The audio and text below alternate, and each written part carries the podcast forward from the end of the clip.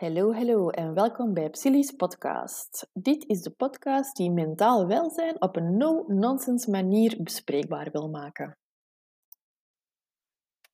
Vandaag gaan we het zoals beloofd hebben over het verschil tussen draagkracht en wilskracht.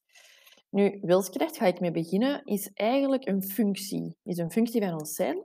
En die functie zou je kunnen inbeelden als een soort van regisseur. En die regisseur is vooral bezig met de doelen en de plannen in ons leven. Dus de doelen als in van uh, mijn doel is uh, directeur te worden van mijn eigen groot succesvol bedrijf, bijvoorbeeld. Waar daar veel mensen voor werken en waarbij ik veel vergaderingen moet doen en waarbij dat ik uh, heel veel centjes verdien. Dat zou een doel kunnen zijn. Het plan om dat doel te bereiken is dan bijvoorbeeld, als je nog in de middelbare school zou zitten of zo, dat je beslist om uh, handelswetenschappen te gaan studeren. Ik zeg nu maar iets, hè, want welke richtingen dat er tegenwoordig zijn, ik ben al wat te oud aan het worden. Ik weet dat eigenlijk niet meer. Dus in mijn tijd, bij wijze van spreken, zouden dan bijvoorbeeld handelswetenschappen kunnen gaan studeren of een of andere andere economische richting. Oké, dus uw regisseur heeft beslist dat dat uw doel is en dat je via dat plan dat doel gaat bereiken. Nu, tum tum tum, op een gegeven moment begint je misschien te beseffen dat er stukjes van die doelen of bepaalde doelen die je voor jezelf gesteld hebt, dat je die hebt ingeslikt. Wat bedoel ik nu met ingeslikt? Want ja, ingeslikt. Hè? Hoe kun je je doelen inslikken? Bijvoorbeeld, op een gegeven moment was ik tijdens mijn eerste jaar psychologie, eerste jaar bachelor psychologie was dat dan, uh, stage aan doen bij Randstad. En mijn vader die geeft de opmerking, dank u papa en sorry papa dat ik u als voorbeeld gebruik, geeft de opmerking A, eerst de toekomstige PDG van Randstad, wat het dan zoveel wil zeggen als hè, dat ik dat bedrijf ooit op een gegeven moment zou gaan leiden. Dus ik had altijd in mijn hoofd, ja, ik ga waarschijnlijk wel in een leidinggevende functie terechtkomen, want dat is mijn doel en mijn plan is om nu uh, uh, psychologie te studeren, om dan mijn master te gaan halen enzovoort, enzovoort, zodat ik veel over mensen weet en veel over leiding geven weet. En dan kan ik verder gaan naar mijn pad uh, om PDG van Redstad te worden. Oké. Ondertussen ben ik een podcast aan het opnemen over mentaal welzijn, dus je zult waarschijnlijk wel beseffen dat dat verhaal een andere wending heeft gekregen. Dus dat verhaal heeft een andere wending gekregen, maar wel pas na een paar jaar. Want mijn regisseur was vrij sterk ontwikkeld, is nog altijd vrij sterk ontwikkeld, en zorgde er dus voor dat ik via mijn wilskracht de nodige discipline had, het nodige doorzettingsvermogen, laat ons dat soms benoemen als de nodige koppigheid, hè, om uh, het pad richting leidinggevende functie in een bedrijf voor te zetten de, het, het stemmetje dat ons die zaak allemaal doet uh, bereiken, zou je eigenlijk kunnen vergelijken met een soort van strijder. Staat daar dan met zijn zwaard en al zijn discipline en zijn doorzettingsvermogen en die gaat er gewoon voor. Die gaat er gewoon voor, want de strijder die heeft ook een doel en die wil daar graag geraken. Die gaat de strijd aan. En die strijder die heeft daar natuurlijk energie voor nodig om de strijd aan te gaan, om dagelijks de energie erin te steken om dat doel te bereiken. En we zouden kunnen stellen dat we dus eigenlijk ook een batterijtje hebben. Iedereen heeft een batterij en die batterij is uh, enkelvoudig. Ook al denken sommige mensen dat je en een privébatterij hebt en een professionele batterij. Dat is niet waar. We hebben jammer genoeg maar één batterij. En die geldt zowel, of die dient zowel voor onze professionele activiteiten als onze privéactiviteiten. Um, hoe energiek dat je bent of hoe uh, stevig dat je batterij is, uh, hangt eigenlijk af van verschillende factoren, zou je kunnen zeggen. Hangt af van sociale factoren, we willen ook zeggen hoeveel steun dat je hebt. Hangt af van biologische factoren, bijvoorbeeld of dat je hoogsensitief bent, of dat je goed tegen prikkels kan of niet. En hangt af van uh, psychologische factoren. En dat zijn natuurlijk degenen waar dat wij op dit moment vooral het meeste rekening mee gaan houden in deze podcast. Dus nu komen we eigenlijk aan bij het stukje draagkracht. Want je kan heel veel willen, maar kan je batterij dat ook aan? daar wil ik eigenlijk naartoe. Dus uw regisseur kan wel een doel hebben gesteld en alle plannen en acties die dat daarbij horen. Uw strijder kan echt op de stellingen staan om bepaalde dingen te gaan willen bereiken, willen, willen, willen. Of moeten, moeten, moeten, hoor ik ook wel vaak van mijn cliënten. Ik moet. Maar kan uw batterij dat ook aan? Soms wel. Soms kan je batterij dat aan. En dat wil meestal zeggen dat je echt de passie, de gedrevenheid en het verlangen hebt om dat doel te bereiken. Hoor goed of luister goed. De passie, de gedrevenheid en het verlangen. We hadden die ene drijfveer wilskracht. Dit is eigenlijk een belangrijke andere drijfveer. Passie, gedrevenheid en verlangen voor hetgeen wat je doet. Verlangen om te doen wat je doet.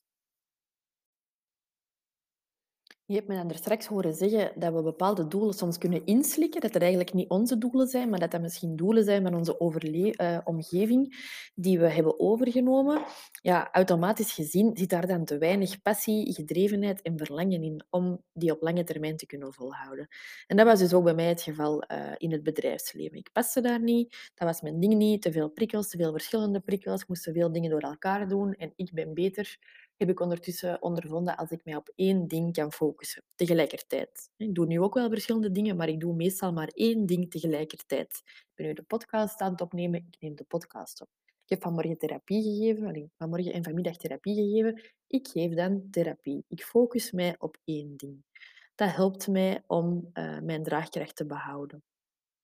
En dat, maakt, dat zorgt er eigenlijk voor dat mijn batterij niet te snel leeg gaat. Oké, dus uh, moest het zijn dat uw passie, uw gedrevenheid en uw verlangen om een of andere reden dus ontbreken uh, tijdens uh, het werk of tijdens iets wat je aan het doen bent, dan zorgt dat voor onvoldoende draagkracht. En onvoldoende draagkracht zorgt op, de, op den duur voor burn-out. Je wordt moe. Of voor depressie, je bent niet blij. Je bent niet blij met hetgene wat je aan het doen bent. Ik weet het, soms is het heel kort door de bocht en misschien dat de, de, de wetenschappelijke onderzoekers en zo dat ook wel zullen vinden dat ik soms te kort door de bocht ga. Maar het belangrijkste voor mij is dat mensen dat de psychologie eindelijk eens een beetje in mensentaal wordt uitgelegd. Dus burn-out, moe, depressie, niet blij. Kort samengevat, ik weet het heel kort door de bocht, ik weet het, maar het belangrijkste is dat de boodschap duidelijk is. Voilà. Wil je daar dus uit blijven, hè, wil, je, wil je energiek blijven, wil je blij blijven, dan moet je je wilskracht afstemmen op je draagkracht.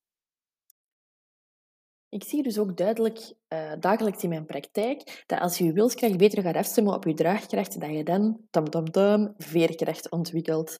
Uh, en veerkracht zou je ook kunnen omschrijven als resilience. En resilience wil zeggen dat je um, adaptive, Adaptief kan reageren op je omgeving. Daar kwam Darwin eigenlijk mee af, weet je wel? Survival of the fittest.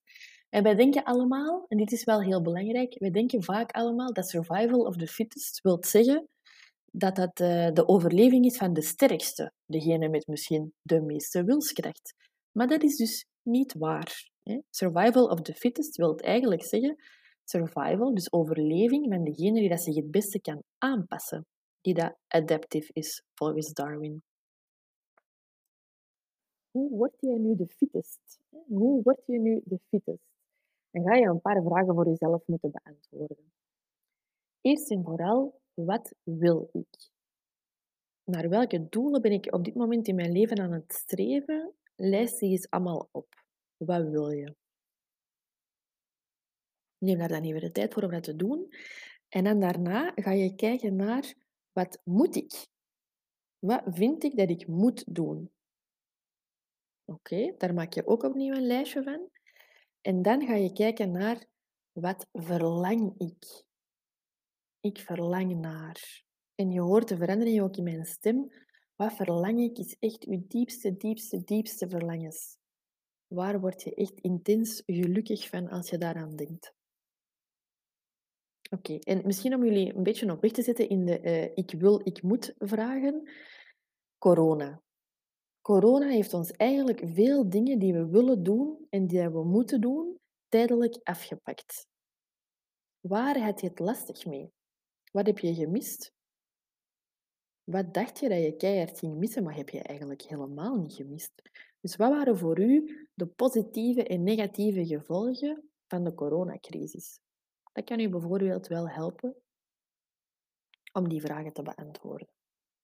En dan hebben we de laatste vraag. Ik verlang naar.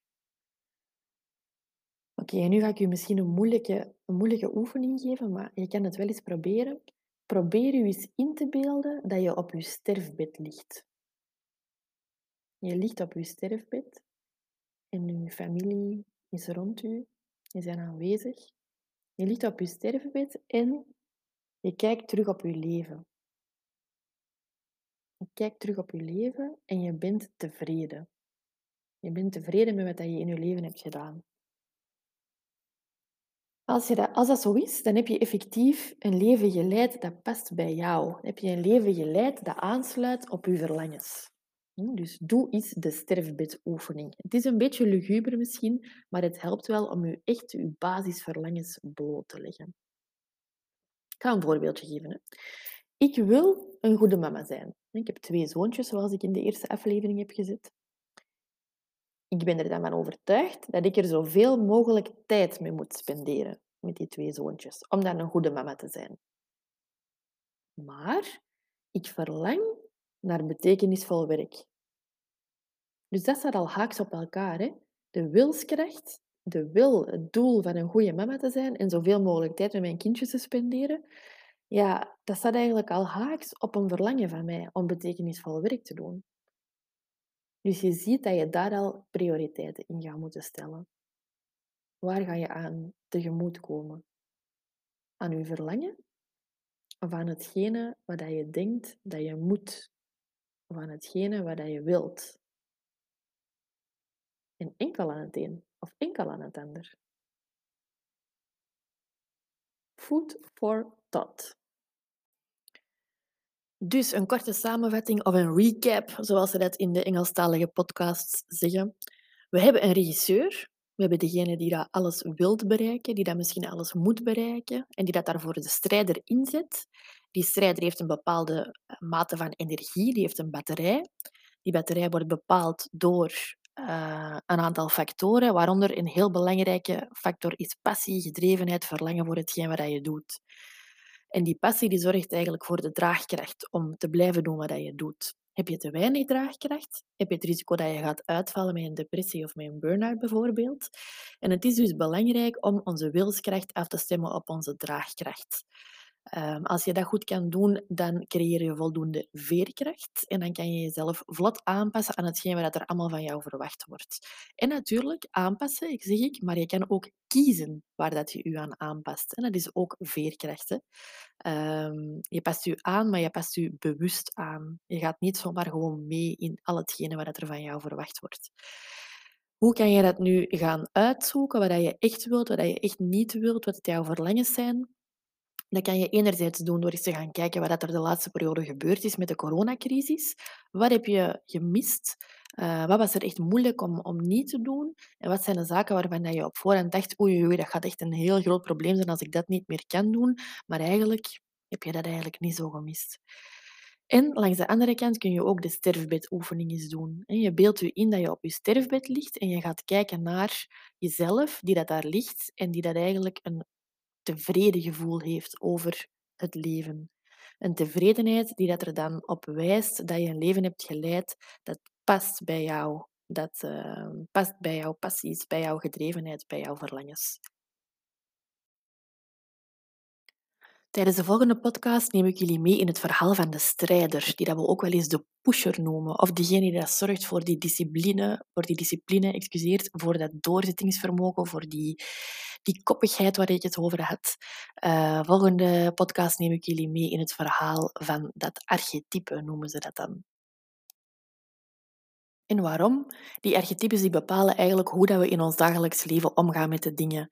En uh, een goede kennis van onze strijder, van onze pusher langs de ene kant, uh, kan ervoor zorgen dat we meer rust en balans in ons leven kunnen creëren.